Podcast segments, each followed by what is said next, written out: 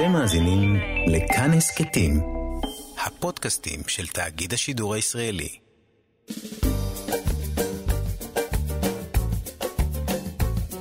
שישים החדש, עם אבי שמאי. לחיות בגיל השלישי.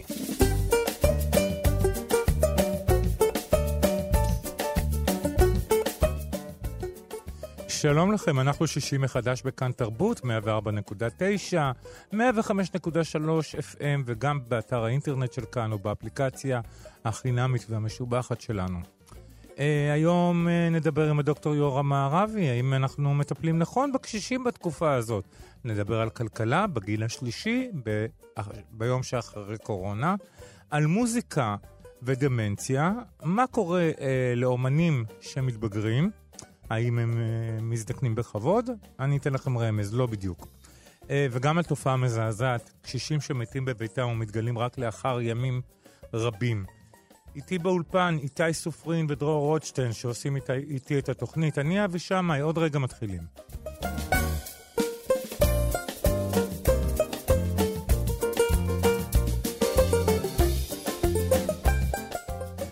שלום לכלכלנית, המייסדת והמנכ"לית של מעוז פיננסים. שלום רינת מעוז.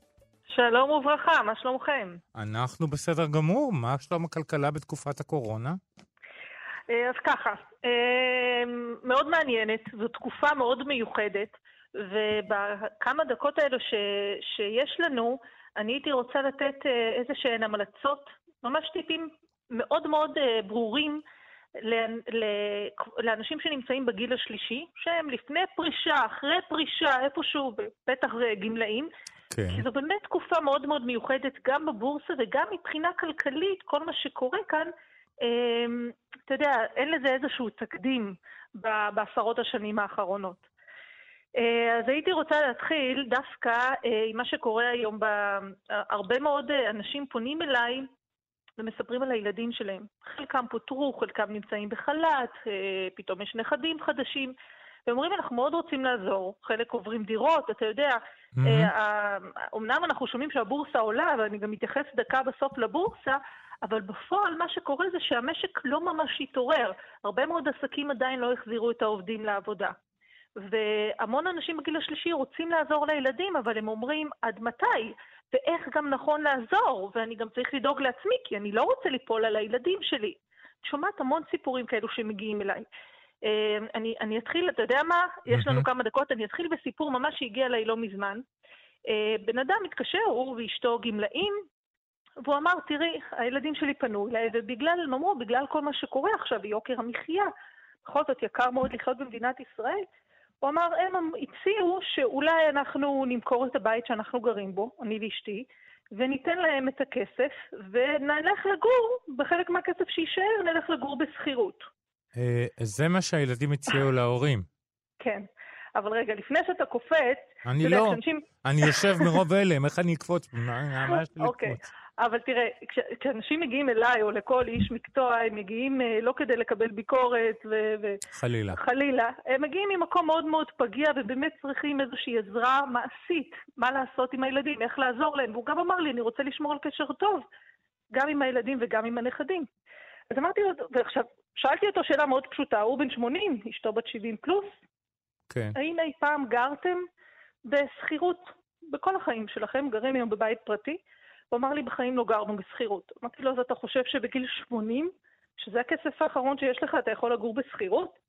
אני יכול להגיד לך שבגיל, שכשאתה צעיר, אתה בן 20 ו... אז אתה יכול לגור בשכירות ואתה אפילו לא מרגיש שאתה, אה, שכבד לך. אבל נכון. אחר כך, כשטיפה מתבגר, כל העניין הזה של מעבר, של שכירויות, נעשה אה, עסק מאוד מאוד לא פשוט ולא נעים, אה, ובטח שהוא לא לאנשים זקנים, אבל אה, אה, זאת באמת בעיה. איך עוזרים לילדים אם ככה? אז שאלתי אותו, עזרת פעם לילדים? ואז הוא אמר לי, יש לו שלושה ילדים, יש לשניהם שלושה ילדים. הוא אמר לי, לכל ילד נתנו דירה. אמרתי לו, אוקיי, אז מה שאתה מה פשוט עוד? צריך... רגע. אז אמרתי לו, מה שאתה פשוט צריך לעשות, אתה יודע, יש הורים שיש להם נתינת יתר mm-hmm. כלפי הילדים. Mm-hmm. ונתינה היא דבר חיובי ומבורך, אבל נתינה צריכה להיות מאוזנת, היא צריכה להיות נכונה, צריך לדעת איך לתת ומתי לתת, לא רק לתת ככה. כן. ואז אמרתי לו, תראה, כמו שחינכת וגידלת את הילדים עד עכשיו, אתה גם צריך לתת להם חינוך פיננסי. הם צריכים לעמוד ברשות עצמם, נכון? כי נתת להם כבר כספים, הוא סיפר על עוד כספים שהם העבירו להם. ונתת להם דירה, אתה צריך לעזור להם, שיהיה להם את הידע לדעת להתנהל לבד. אני יכול לשאול שאלה? תמכרו, בטח. למה שהחבר'ה האלה שקיבלו מההורים דירה לא ילכו כן. לבנק ויקחו איזושהי משכנתה, אפילו קטנה, משהו כמו 200 אלף שקל כדי uh, לעבור את התקופה הזאת, והם יחזירו את זה? למה הפתרון הוא דווקא אצל ההורים? כמובן שזה אפשרי. יש הרבה מאוד. העניין הוא, תראה, העניין הוא שבמדינת ישראל, לצערי הרב, עדיין אין חינוך פיננסי, ולכן גם הדור היום שמגדל ילדים משלו, הוא בעצמו לא קיבל חינוך פיננסי. אז במקרה הזה, כמובן, המלצתי לו ללכת לילדים ולהסביר להם בצורה מאוד נעימה שהם לא רוצים ליפול עליהם, ולכן הם לא רוצים למכור את קורת הגג שלהם. אבל הם כן מוכנים לעזור להם לקבל איזושהי השכלה פיננסית, לדעת להתנהל מול בנק ולבדוק את הפנסיה, ואתה יודע, ולעזור להם עם תקציב הבית וכן הלאה. מה שאני בעצם רוצה להסביר זה שהמצב שבו אנחנו נמצאים היום הוא מצב מאוד לא פשוט להרבה מאוד אנשים, כי יש פה רגשות ויש משפחתיות ויש עניינים של כסף, ואם לפני כן היו איזה שהם עניינים לא פתורים של כסף, אז עכשיו הם כאילו מקבלים זרקור של אור, ועוד יותר זה מתעצם. אז בואו נתחיל עם כמה עצות פרקטיות, בבקשה. בסדר? ושכל אחד ייקח מה שרלוונטי אליו, אבל לא משהו ששומעים ועובר הלאה, אלא משהו שיכול באמת באמת לעזור. דבר ראשון, אני מבקשת, באמת בקשה אישית מכל מי שמקשיב לנו, תעשה איזה, שיקח דף פשוט. קח או קחי, כן, דף פשוט, ותרשמו מהם כל ההכנסות שיש לכם. כל חודש באופן קבוע. יש פנסיה, ביטוח לאומי, אולי יש דירה שאתם משכירים. אני רוצה לדעת עם איזה סכום יש לכם כל חודש, מהי ההכנסה הקבועה שיש לכם כל חודש, אוקיי? דבר שני, בצד השני, תרשמו פחות או יותר מההוצאות הקבועות שלכם. יש לכם אה, ועד בית, יש לכם, אה, אתם עוזרים באופן קבוע לאחד הילדים. מה ההוצאות, עם איזה סכום אתם מתחילים את החודש, עוד. לפני שהלכתם לקנות משהו. כלומר, אני רוצה לראות אם פחות או יותר אתם נמצאים באיזון. בנוסף, דבר נוסף, אה, לגבי חסכונות והשקעות. יש הרבה מאוד אנשים שמחזיקים פקדונות, תיק ניירות ערך וכן הלאה. אז עכשיו, מי שיש לו תיק ניירות ערך בבנק, אני חייבת להכניס את הנקודה הזו, כי אני בשוק ההון מעל 25 שנה ומאוד מאוד אוהבת את הבורסה ואת שוק ההון, משקיעה בעצמי גם. כן. אני חושבת שאנחנו עדיין לא סיימנו עם הירידות. אז זהו, שבדיוק זה שרציתי לשאול. בבנק כן. על פקדונות אנחנו לא מקבלים, אה, אנחנו, זה לא קורה לכסף כלום, הכסף פשוט שוכב שם. אבל נדמה שבורסות בימים כאלה, הם משהו מאוד מסוכן. נכון, אבל הרוב לא חושבים כמוך. למה? Okay. אוקיי. כי הם הרוויחו הרבה מאוד בבורסה בחודשיים האחרונים. אבל מה שקורה זה שבחודשיים האחרונים העליות היו אגרסיביות בחזרה. העניין הוא שמצב הכלכלה שלנו הוא כל כך לא טוב, יש עשרות מיליוני מובטלים בארצות הברית, משהו שלא היה לפני משבר הקורונה, וגם המצב הכלכלי בארץ ופשיטות הרגל של עסקים ושל עצמאים, ומאות אלפי עובדים שלא חזרו עדיין מחל"ת, כל זה לא בא עדיין לידי ביטוי בבורסה, צריך להבין, הירידות שהיו בבורסה זה בגלל הקורונה. Mm-hmm. המצב הכלכלי עדיין לא בא לידי ביטוי בבורסה. זו הערכה אישית שלי, כמובן שאני לא יושבת עם כדור בדולח, אני רק מעריכה את שוק ההון. אני, אני חושבת שאנחנו עדיין במצב שרמת הסיכון היא גבוהה. Mm-hmm. יכולים אולי לשים חלק קטן מהכסף בהשקעות בבורסה, אבל אם זה כסף, והוא כסף האחרון שלכם, שמיועד לדיור מוגן, או אה, להוצאות לילדים, או חלילה שלא נדע למקרים רפואיים, או למקרים טובים של נסיעות לחו"ל, אני לא הייתי מסכנת את כל הכסף ומשאירה את הכל okay. אוקיי. בתיק השקעות בבנק, בסדר? בסדר גמור. זו דעתי האישית. עכשיו, אה, לאנשים שכן רוצים לעזור לילדים ואומרים, מה אני אעשה? אני אוציא כסף מהחסכונות, אני אפדה את הקופת גמל או את הקרן השתלמות, אז הכסף האחרון שאני מבקשת שאי פעם תחשבו לגעת בו, זה אותו כסף שיש לו הטבות מס, שזו קרן השתלמות וקופת גמל. Mm-hmm. למה? כי כל שקל שאתם מרוויחים שם נכנס לכיס שלכם. Mm-hmm. בסדר? מה כן אפשר לעשות? יש דבר שנקרא, יש דבר שנקרא סוג של הלוואה שנקראת הלוואת בלון. אני חושבת שאבי, שדיברנו עליה פעם? יכול להיות. אני אסביר אותה שוב. לדוגמה, אם אתם רוצים להעביר סכום כסף מסוים לילדים, או אתם לעצמכם צריכים איזשהו סכום כסף כרגע, ואתם לא רוצים למשוך כסף שיש לו הטבות מס, מה שאתם יכולים לעשות זה לגשת לאותו, לאותה חברת ביטוח או לאותו בית השקעות ששם נמצא הכסף, ולברר מה התנאים של הלוואה שנקראת הלוואת בלון. זה בעצם אומר שכל חודש אתם תשלמו רק את הריבית על ההלוואה, לא חלק מהקרן מההלוואה, אלא אך ורק את הריבית. בדרך כלל יצא כמה מאות שקלים, אתה יודע, 100, 200, 300 שקל, תלוי בגובה ההלוואה. כן. ובסוף התקופה, לדוגמה, עוד שנה, עוד שנתיים, שלוש, כמה שתבחרו, זה יכול להיות גם עד שבע שנים. אז אוקיי? ת... ואז תתחילו לשלם גם את הקרן? או שתתחילו לשלם את הקרן, או שתגידו להם, אתם יודעים מה? הקרן השתלמות אצלכם, הקופת גמל אצלכם, בואו תגלחו את ההלוואה, ומה שיישאר, כי אתם לא מקבלים 100% על הכספים, אתם מקבלים 80% או 50%, אוקיי. מה שיישאר תשאירו אצלי. עכשיו, מה שקורה זה שבמשך אם אנחנו מדברים נגיד על שבע שנים, במשך שבע שנים כן יש עליות בשוק ההון. ולכן יוצא שאתם תחזירו פחות כסף ממה שאתם לקחתם. אני חושב שזה... וזה לא יפגע לכם בתקציב החודשי. אוקיי, אז אני חושב שבעצה הזאת הייתי יכול לדבר איתך כל השעה, ועשינו את זה בעבר, אבל אה, אני צריך להודות לך מאוד, רינת מעוז, הכלכלנית, מייסדת ומנכ"לית מעוז פיננסים, נעמת לי מאוד כמו תמיד. תודה רבה, רינת. תודה רבה לכם, תודה. להתראות, ביי ביי. ביי.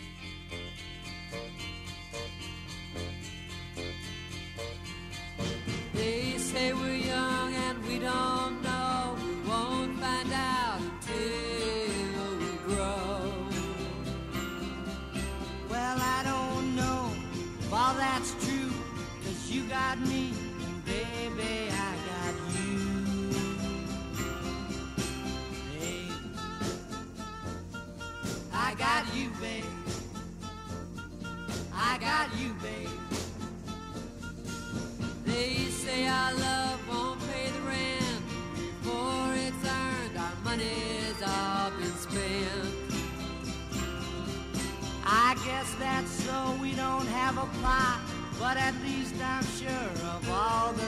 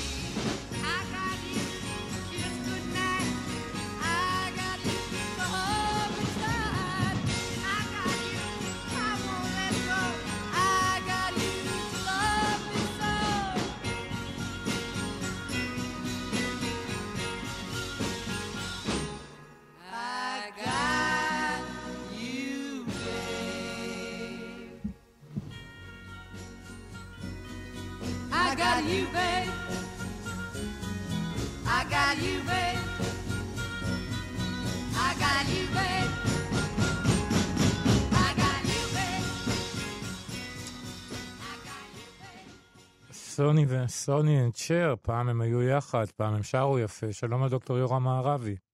שלום וברכה. גריאטר uh, מבתי החולים הדסה, מי שליווה את התוכנית 84, שאני חייב במאמר מוסגר לספר לך שאתמול ראיתי את הפרק השישי שוב, ושוב דמעתי, אז uh, כנראה שאני מדובר פה בבכיין רציני, או בתוכנית מרוג... מרגשת במיוחד. זה מה שאומר על זה. אה, אבל אנחנו פה, פה כדי לדבר אה, על קורונה, ואני פניתי אליך אתמול בערב, אה, וב-SMS ששלחתי לך, שאמרת, אמרתי לך אה, מנכ"ל משרד הבריאות, שהוא אמור להיות לשעבר לדעתי, או שלא, אמר, תחזרו לבקר את סבא וסבתא אה, בזום. כן. מה דעתך על זה? תראה, אני, אה, אני חושב שכל המדיניות אה, שלנו כלפי הקורונה, mm-hmm. שכבר היו כאלה שסיכמו אותה וטפחו לעצמם על השכם וכולי, היא עדיין אה, די בעייתית בעיניי, מכיוון שיש בה אלמנט אחד שלא כל כך מרבים לדבר עליו, מדברים עליו אבל לא מספיק, mm-hmm. וזה העובדה שאין לנו מספיק מידע. אין אבל, לנו מספיק בדיוק, מידע. אבל אין לנו מספיק מידע, מפני שאני בדרך לפה שמעתי את עמיתי אה, קלמן וליברמן ברשת האקטואליה שלנו, והם אמרו שבישראל יש אפשרות לבצע 30 אלף בדיקות ביום, אבל מבצעים 600. נכון. למה? נכון. אה, אני לא בטוח שיש לי תשובה על כך. אני שומע ממקורות שונים שחלק מהמכשול, או מי שמעכב את הדברים האלה, זה משרד הבריאות עצמו, לטענתו, בגלל שהוא לא בטוח באמינות של הבדיקות. Uh, היו הרי כמה אירועים שבהם דיווחו על כך שמישהו קיבל תשובה שלילית ובסוף זה היה חיובי, וההפך. עד כמה שידיעתי מגעת, mm-hmm. uh, הבדיקות שמדובר עליהן, שיכולות להגיע אפילו יותר מהמספרים שאמרת, כן. בדיקות אמינות. אה, ישנם, הרי בזמן, בהתחלת המשבר הזה, יש פה הרבה אנשים מאוד רציניים בארץ הזו. נכון. רציניים, מוכשרים, אה, בעלי יכולות, וכולם נרתמו לנסות למצוא פתרונות, וחלק מהפתרונות באו מתחום הבדיקות. היכולת לבצע בדיקות, לקנות, לרכוש ולעשות, מאוד מאוד התפתחה פה, ולצערי היא נשארה מאחור, וכאילו שכרגע משרד הבריאות בעצם לא כל כך מעוניין בבדיקות, כי בעצם עברנו את הקורונה, אבל מצד שני לא, לא, לא, לא עברנו לא, את הקורונה. אבל אני, אני, אני, אני בכלל אה, עם אה, תיאוריות קונספירציה משלי, שזה איזשהו משהו ש... אה, בואו נראה אם אפשר אולי בכלל לחיות עם, קורונה. לא נעשה בדיקות, לא נכריז על מספר הנדבקים. ואז המשק יפעל, ונראה אם יש התפרצות. בינתיים בבית ספר מסוים בירושלים, אה, התחיל ביום שישי, הפעם הראשונה ששמעתי, היו שם 18 נדבקים, ובמוצאי שבת היו כבר פי עשרה. אז, כן. אה, אז, אה, תראה, אז איך זה עובד? אז אני, אני לא יודע לגבי תיאוריות קונספירציה, אני בדרך כלל לא מחזיק מתיאוריות קונספירציה. גם אני, אני לא. אני אגיד לך, דרך אגב, לשיטתך, אם כך, אני דווקא חושב שזה אינטרס של משרד הבריאות ושל משרד האוצר גם יחד, לעשות כמה שיותר בדיקות כדי לצמצם את ההדבקה, כי אז המשק יתאושש יותר טוב. אה, אני חושב שיש פה בעיה של, אה, שמורכבת משני דברים. אחד זה תרבות של ריכוזיות יתר, שמשרד הבריאות מורגל בה די הרבה זמן. והדבר השני זה באמת אה, רצון אה, לוודא ב-100%, אולי אפילו יותר מ-100%, 200-300%, רצון מוגזם לוודא שהכל אמין, okay. שאין אוקיי. דבר כזה בבדיקות מעבדה. אני יודע שבמכון ויצמן למשל הם פיתחו שיטה שבה הם לא בודקים את ה... PCR הזה, כמו שאנחנו עושים עד היום, mm-hmm. של נוכחות ה-RNA של הנגיף אה, בתוך המשטחי אף וזה, אלא בודקים את, הגן, את הגנים של הנגיף, mm-hmm. והם מסוגלים לעשות במכה אחת אלפי בדיקות. כלומר, אתה מדבר פה על יכולת של מיפוי ענק של המדינה. הם אמרו את זה עוד בתחילת תקופת הקורונה, שהם מסוגלים... לא בהתחלה, לעשות... איפשהו באמצע, באמצע כן, שהם פיתחו כן. את השיטה הזאת, כי יש להם יכולת, הם עושים את זה במחקרים שלהם, mm-hmm. במכון ויצמן, מחקרים שהם ממפים גנטיקה של החיידקים של המעי. על כל זה מבססים מחקרים שהם קיימים כבר הרבה זמן. והם הלכו ועשו מודיפיקציה של הבדיקה הזאת. הבדיקה הזאת מסוגלת לתת לנו תשובות א', מהירות. אתה יודע, אחת הבעיות בבדיקות האלה, לא רק שיש מעט בדיקות, המעט בדיקות שעושים עכשיו הרי מדברים על בתי אבות, כן? סוף סוף הולכות בדיקות לבתי אבות, יש הרבה מאוד מאמץ לבתי אבות. אבל כשאתה עושה בדיקה ואתה מקבל את התשובה אחרי חמישה-שישה ימים, זה כבר לא שווה כלום, כי אותו הבן אדם שקיבל תשובה חיובית, בחמישה-שישה ימים האלה יסתובב. אז נכון. הבדיקות צריכות להיות גם יעילות, גם מהירות וגם במסה, ואני אגיד לך, זה ייתן לנו תמונה שאתה תעשה מדגמית בכל מיני מקומות בארץ. הרי לא רק בתי הספר בסכנה להדבקה, ומה עם המסעדות והקניונים, ומה עם אה, בתי החולים, תשמע, ומה עם מקומות העבודה. תשמע, אני חייב לספר לך משהו, אה, דוקטור כן. מערבי. אני הלכתי ביום, אה, שישי, ביום חמישי בבוקר, בערב החג, אתה יודע, כמו שאומרים השלמות, כמה דברים אחרונים. הקפדתי בצאתי מהאוטו לשבת עם מסכה, ואנשים די הסתכלו עליי מוזר, כי הרוב כן. המוחלט לא היו עם מסכות. כן, אני חושב שזה לא בסדר, כי באמת, אני חושב שהתרופפה פה המשמעת. Mm-hmm. אני גם לא מנקה את האחראים על זה, את המנהיגים שלנו, שגם לא נותנים לנו דוגמה אישית. כן, גם מר, אה, מר, לא מר, מר, מר אה, בר סימנטוב בעצמו צולם ביום שישי יוצא מביתו בלי מסכה. נכון, נכון, אז אז זה מה לא אנחנו בסדר, עושים? וגם בישיבות שלהם אני רואה אנשים שיושבים בלי מסכות. אה, אז צריך לתת דוגמה אישית. אני כן חושב שאנשים צריכים להקפיד, אני כן מקפיד להסתובב עם מסכה מחוץ לבית, כמובן שבבית החולים אנחנו חייבים. צריך כן להקפיד, אבל אני אומר, אם היו לנו בדיקות במסה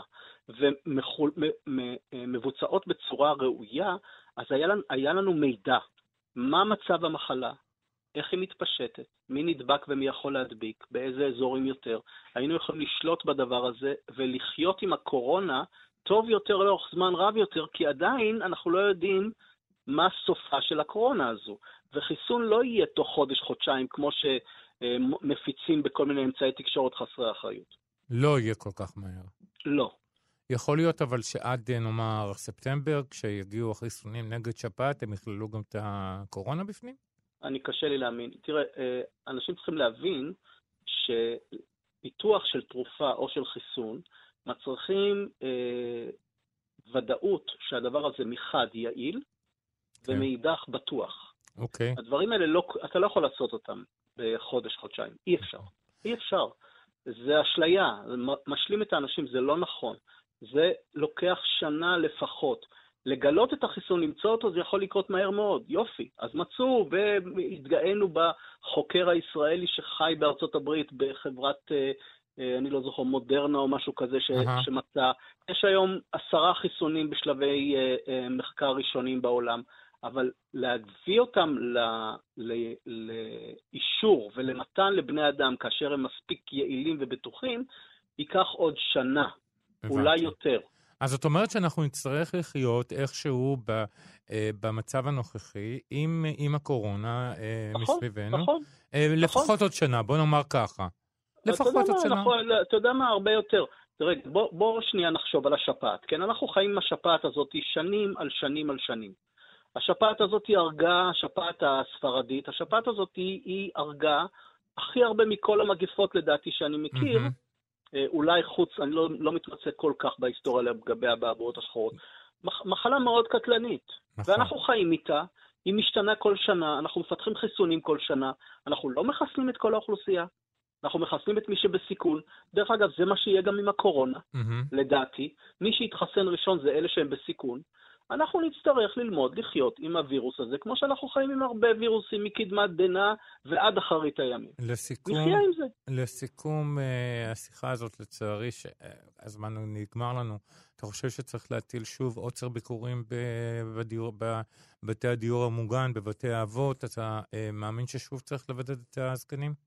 לא, אני לא חושב שהשתנה שום דבר בין היום לבין לפני שבוע מבחינת היחס לזקנים. בשום mm-hmm. אופן לא. אני, אני שמח, דרך אגב, במקביל להצהרה הזאת שלדעתי כבר לא עומדים מאחוריה, okay. כן. וגם מסיבת העיתונאים שיצאה אה, אה, לפני מספר ימים כבר לא עומדים מאחוריה, mm-hmm. קצת התעשתו. אה, החל ממחר מתחילים לחזור בהדרגה מרכזי יום. יש שינוי בהנחיות לבתי אבות ולדיורים המוגנים. מתחילים קצת להחזיר שפיות גם לעולם הזקנה. Mm-hmm. אז אה, בהחלט, אני לא חושב שצריך לסגת אחורה ולמנוע מנכדים לפגוש את הסבא וסבתא שלהם. טוב, אז אה, בתשובה האופטימית הזאת אנחנו נאלץ להודות לך מאוד. הדוקטור יורם מערבי, גריאטר מבתי החולים הדסה. תודה רבה לך, נדבר שוב בקרוב. שיהיה שבוע נפלא. תודה, תודה.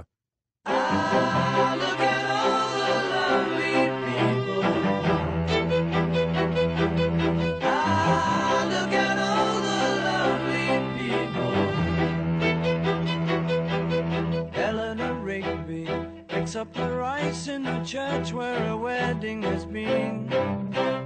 Lives in a dream, waits at the window, wearing the face that she keeps in a jar by the door. It for? All the lonely people. Where do they all come from? All the lonely people Where do they all belong? Father Mackenzie, writing the words of a sermon that no one will hear. No one comes near, look at him working, darning his socks in the night when there's nobody there. What does he care? All the lonely people,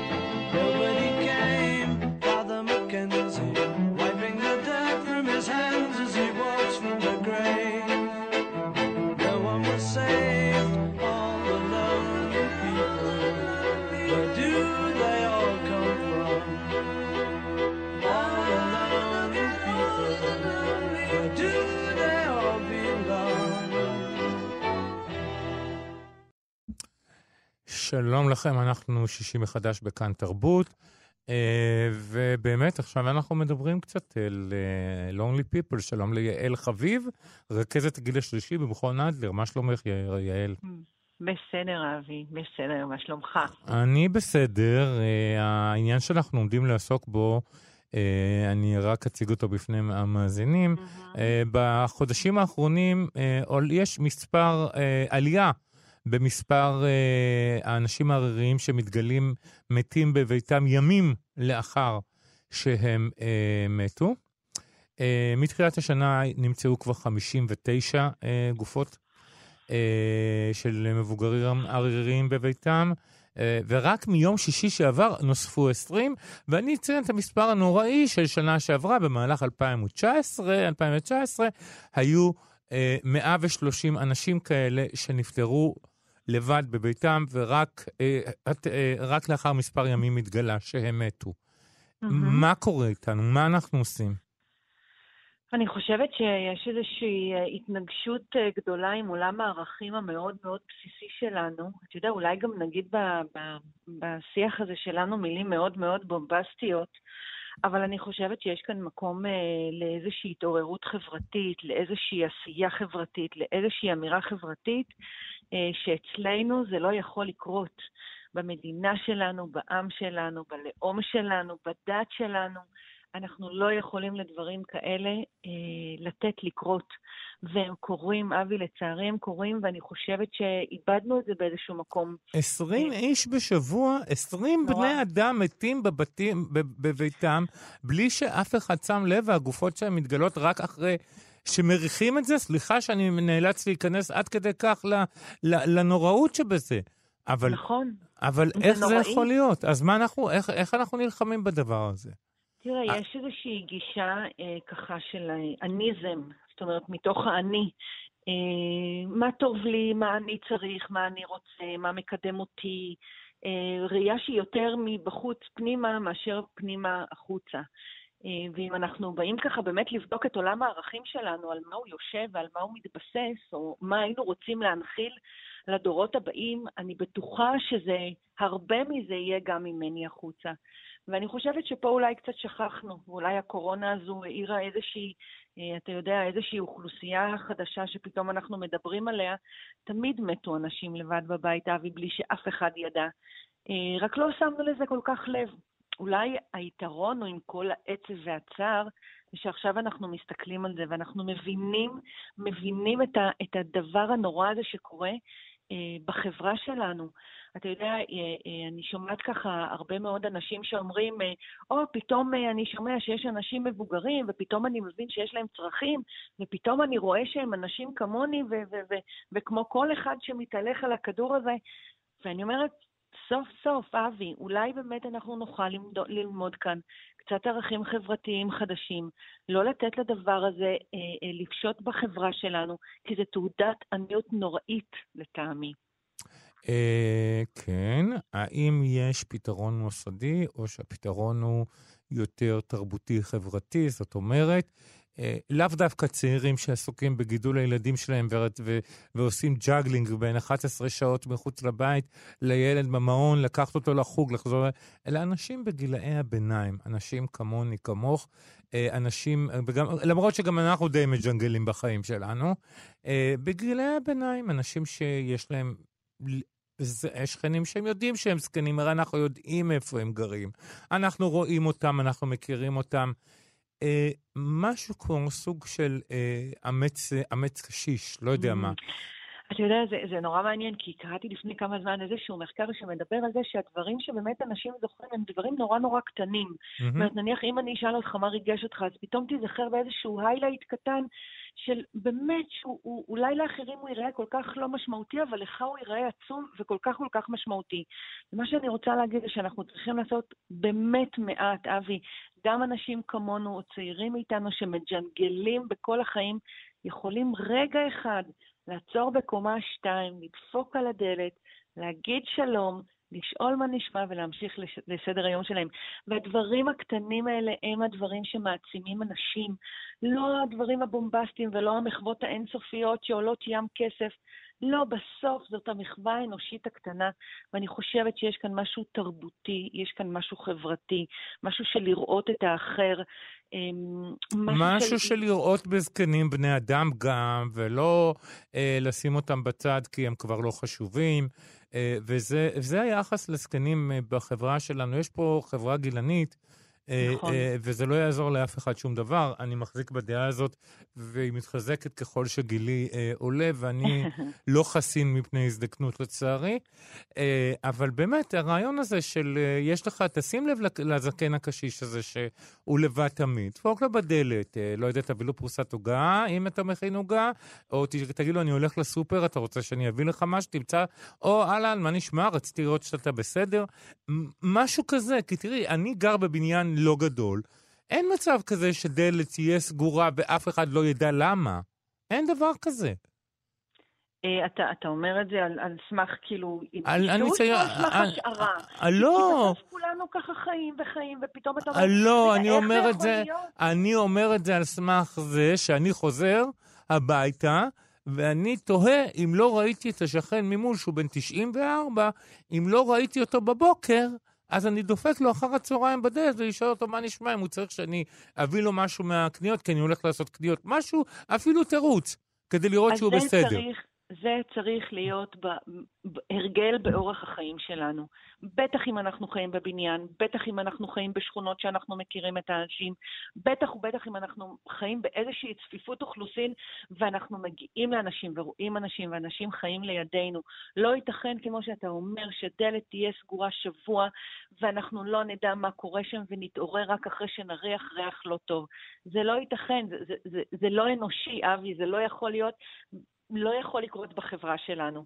אמ, אתה יודע, תמיד אנחנו אומרים שזה יקרה בלונדון, שזה יקרה בצרפת, שזה יקרה בסין, אבל זה לא יכול לקרות אצלנו בבית. Mm-hmm. וזה תלוי בנו, זה איך שאנחנו נתנהל ואיך שאנחנו נחנך את הילדים שלנו לשאול ולפנות ולהתעניין ולראות את האחר. בטח אם הוא כבר לא סקסי בגיל 80, ובטח אם הוא לא תמיד מסודר ונקי, או מדבר ברור, או מדבר לעניין. הוא בן אדם, הוא 80 שנות, הוא 70 שנות, הוא 100 שנות, הוא בן אדם עם חיים מלאים, ויכול להיות שאפילו נגלה אנשים נפלאים ואנשים נהדרים שלא חשבנו שחיים בדלת ממול. Mm-hmm. אנחנו רק צריכים לפתוח טיפה את הדלת. אנחנו צריכים לפתוח את העיניים ולפתוח את הלב בכלל לזקנים, וזה אה, הדבר שאנחנו זועקים פה אה, פעם אחר פעם בתוכנית.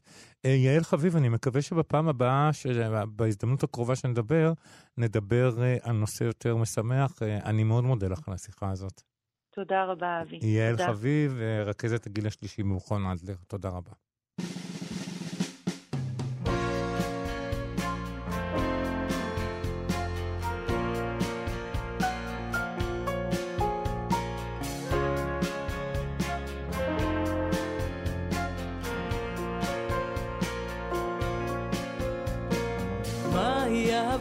חיי, האור שמאיר עליי,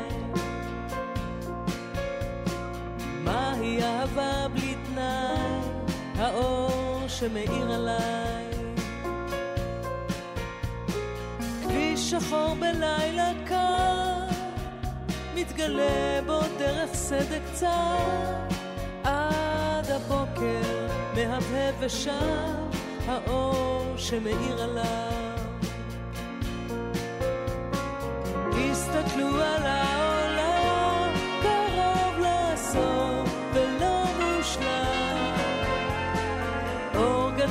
עליו, כדור כחול בחושך.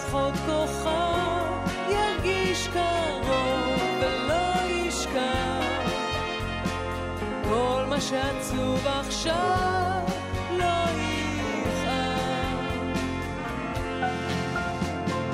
מהי אהבת חיי, האור שמאיר עליי? מהי אהבה בלי תנאי, האור שמאיר עליי? איש כפוף מעל מיתר, מחבק את גורלו המר, עד הבוקר מהפה ושב האור שמאיר עליו. תסתכלו על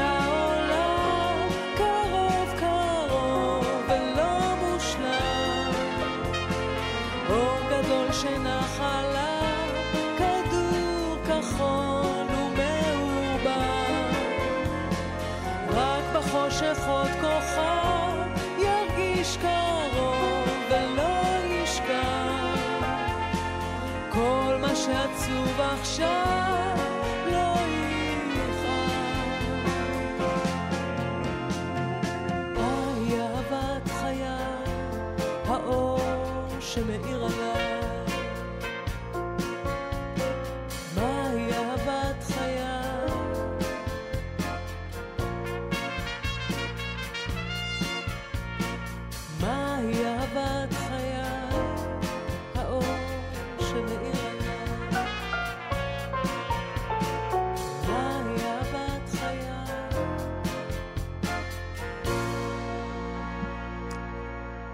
יהודית רביץ, אהבת אה, האור שמאיר עליי, יהודית רביץ היא אהבת חיי, ואנחנו אה, השישי וחדש, אה, כאן תרבות. אה, אני אתחיל מלקרוא אה, פוסט קצר שגרם לי לזמן את כותבו אה, לשיחה הזאת. קיבלתי עכשיו טלפון מעציב ממוזיקאי מיתולוגי בן 87, שליווה במופעים וניגן באלפי הקלטות ידועות של מיטב האומנים האהובים, מאריק איינשטיין ויורם גאון ועד חווה אלברשטיין ויגאל בשן. הוא מצטט, הקלטתי כל כך הרבה שירים וניגנתי בכוח, בכל כך הרבה הופעות עם כל אומן אפשרי בתקופה ההיא, אבל אף אחד לא מעריך אותי, לא זוכר אותי, ואני חי בדאגה מתמדת של איך אגמור את החודש לפני הקורונה ועל אחת כמה וכמה אחריה. מה גם שמצבי הבריאותי הידרדר. ודודי פטימר, שנמצא איתנו על, הק... על הקו, מסכם, נעלמתי ולא ידעתי מה לענות, מלבד לענות, להטות אוזן קשבת למי שהיה אחד ממעצבי פסקול חיי. שלום לדודי פטימר. מה שלומך, ארי? בסדר, עיתונאי מוזיקה, אה, ש... שדרן ב-103, FM, נכון? כן, אבל קודם כל כולנו בני אדם, זה לפני הכל. ובן אדם מקסים שהוא גם יכיר המערכת, ואנחנו שמחים בכל הזדמנות אה, אה, לשוחח איתו. אה, אנחנו כמובן לא ננקוב, בשמו, לא ננקוב בשמו של האיש, אבל כן. זה לא מצב שמיוחד לאיש אחד. נכון, זה למרבה הצער, יש אה, לא מעט אה, אומנים אה, ותיקים, שלפני הקורונה כבר המצב שלהם לא היה, אתה יודע, הכי מכריע, אין הכי הרבה, הכי מזהיר, אין, אין הרבה הופעות. אה, יש, אה, אתה יודע, אה, יש את הקשיים אה, לגמור את החודש כי אין הכנסות וכל זה, משהו שהוא כמובן יכול לקרות גם לכל אדם מבוגר, לאו דווקא אם הוא אומן או לא, כן? אה, ו, אה, אבל אני מדבר על המוזיקאים, כי מוזיקאים הם גם עיצבו את הפסקול שלי, פסקול של הרבה אנשים, כן. ואולי אנחנו לא יכולים לתת להם כסף, אבל אנחנו יכולים לתת להם הערכה. מהמם. וזה משהו שהוא לא, לא מדריש מאיתנו יותר, לא מצריך מאיתנו יותר מדי. השאלה אם עם ההערכה הזאת הם יוכלו אה, לקנות במכולת, כמו שאומרים. אה, הם לא אה. יוכלו לקנות במכולת, אבל אה, בוא נגיד שעדיף אה, לפחות שתרגיש שמישהו מחבק אותך מאשר שגם יורקים לך בפרצוף וגם אתה לא גומר את החודש. תגיד לי, אה, מוזיקאים, אה, אנשים שעבדו כמוזיקאים כל חייהם, אני מניח שירוויחו פה ושם כספים. אה, נכון. רובם לא, לא, לא, לא הצליחו לשמר את המצב הכלכלי ולדאוג לעצמם לפנסיה? זאת שאלה, זאת שאלה שחוזרת על עצמה הרבה הרבה.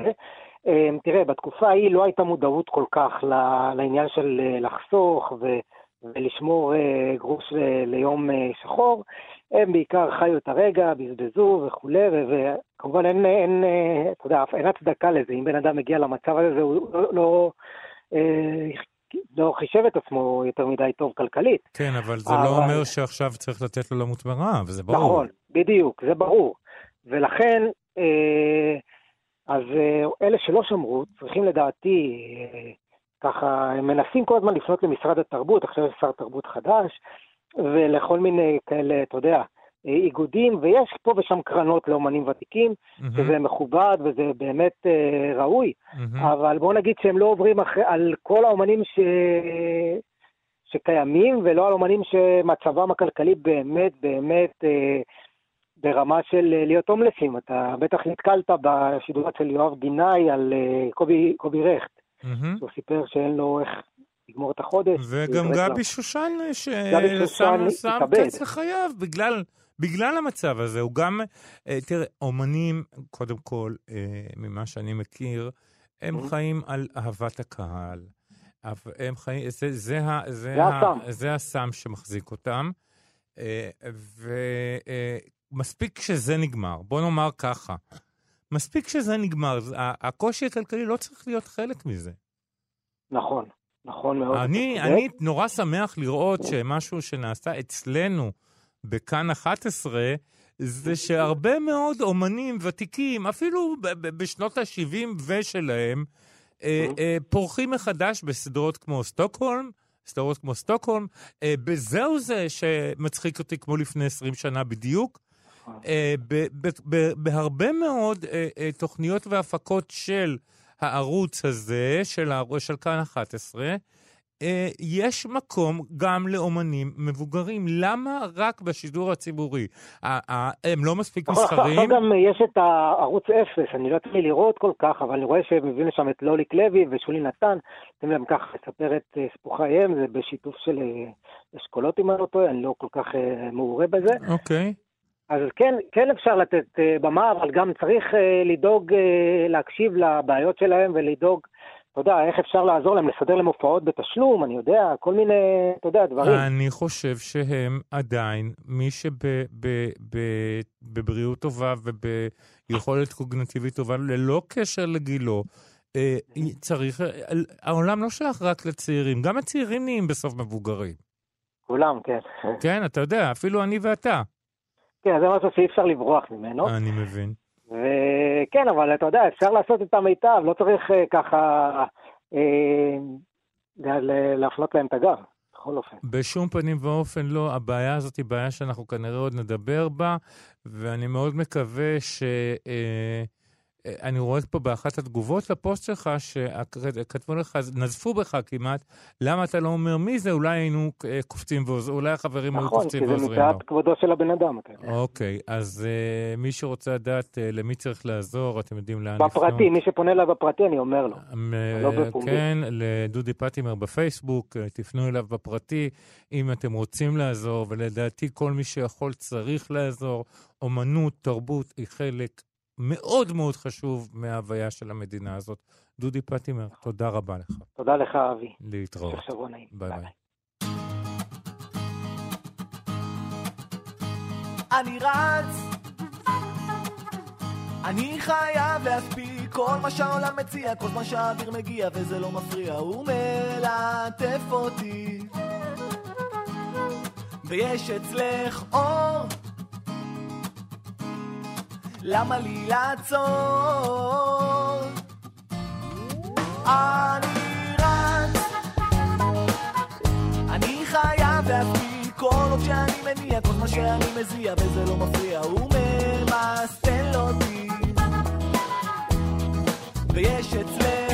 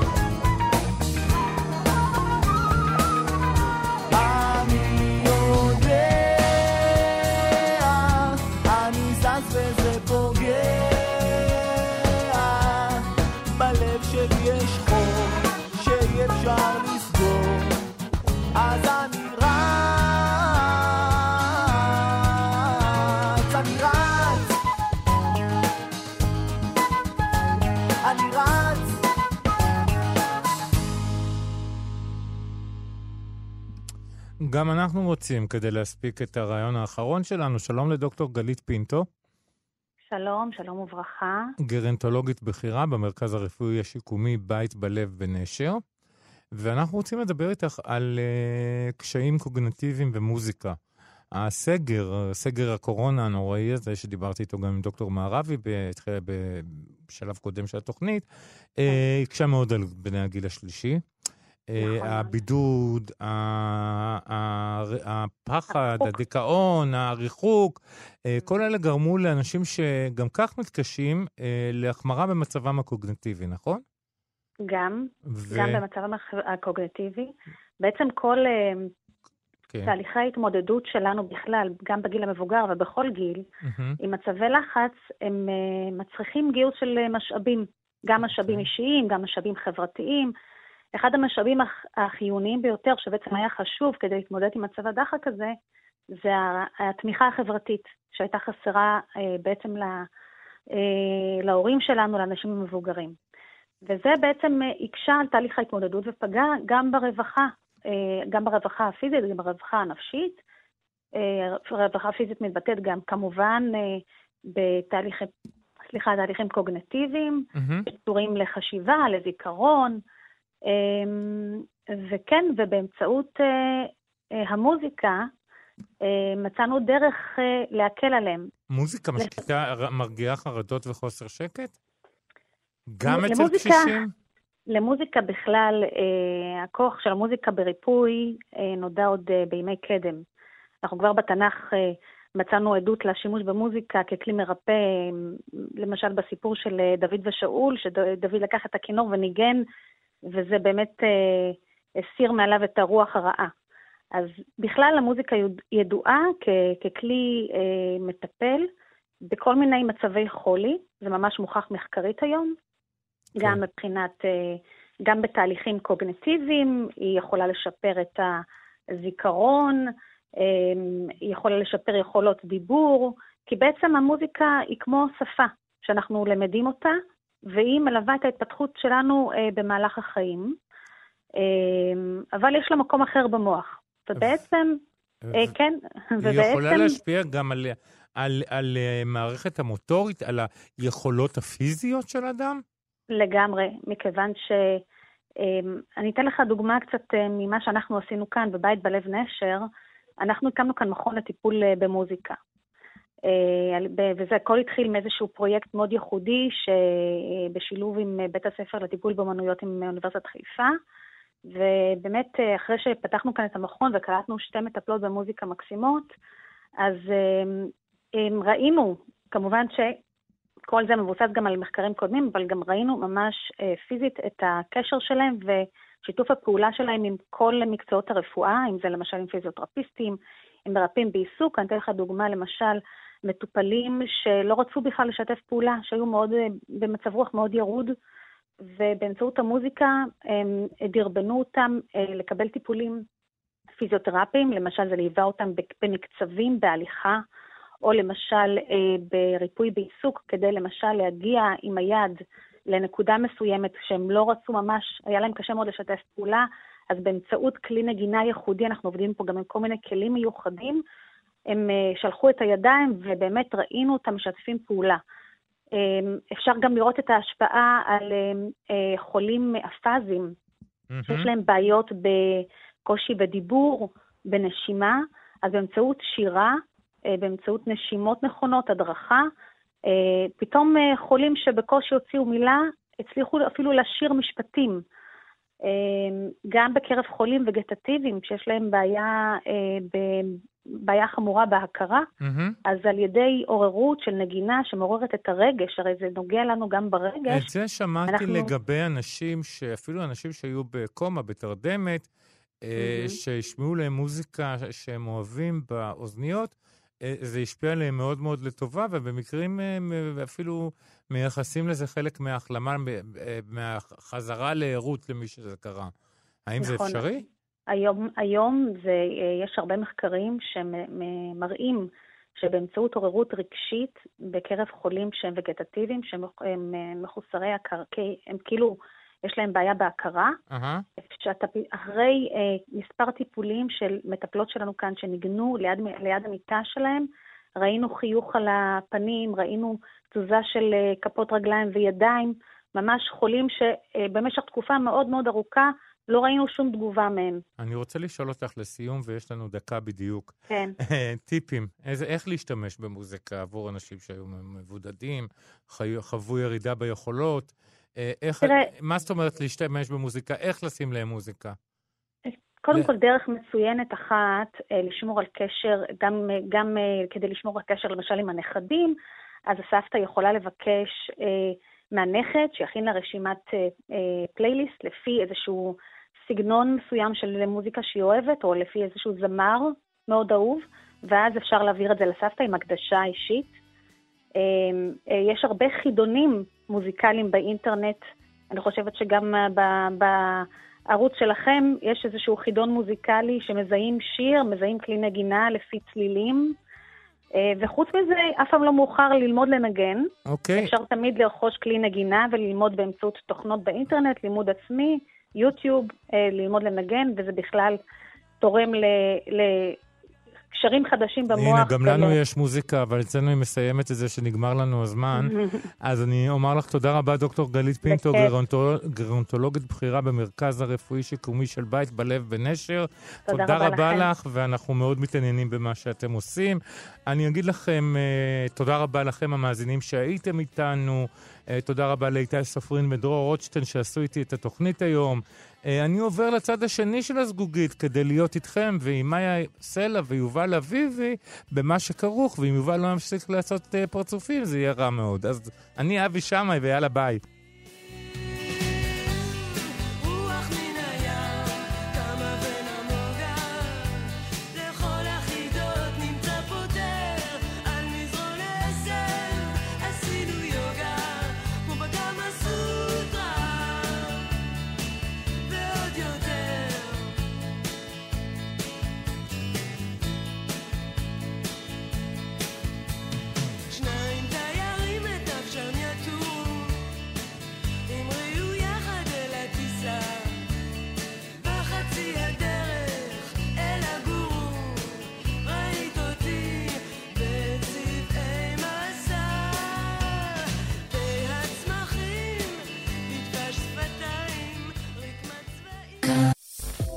אתם מאזינים לכאן הסכתים, הפודקאסטים של תאגיד השידור הישראלי.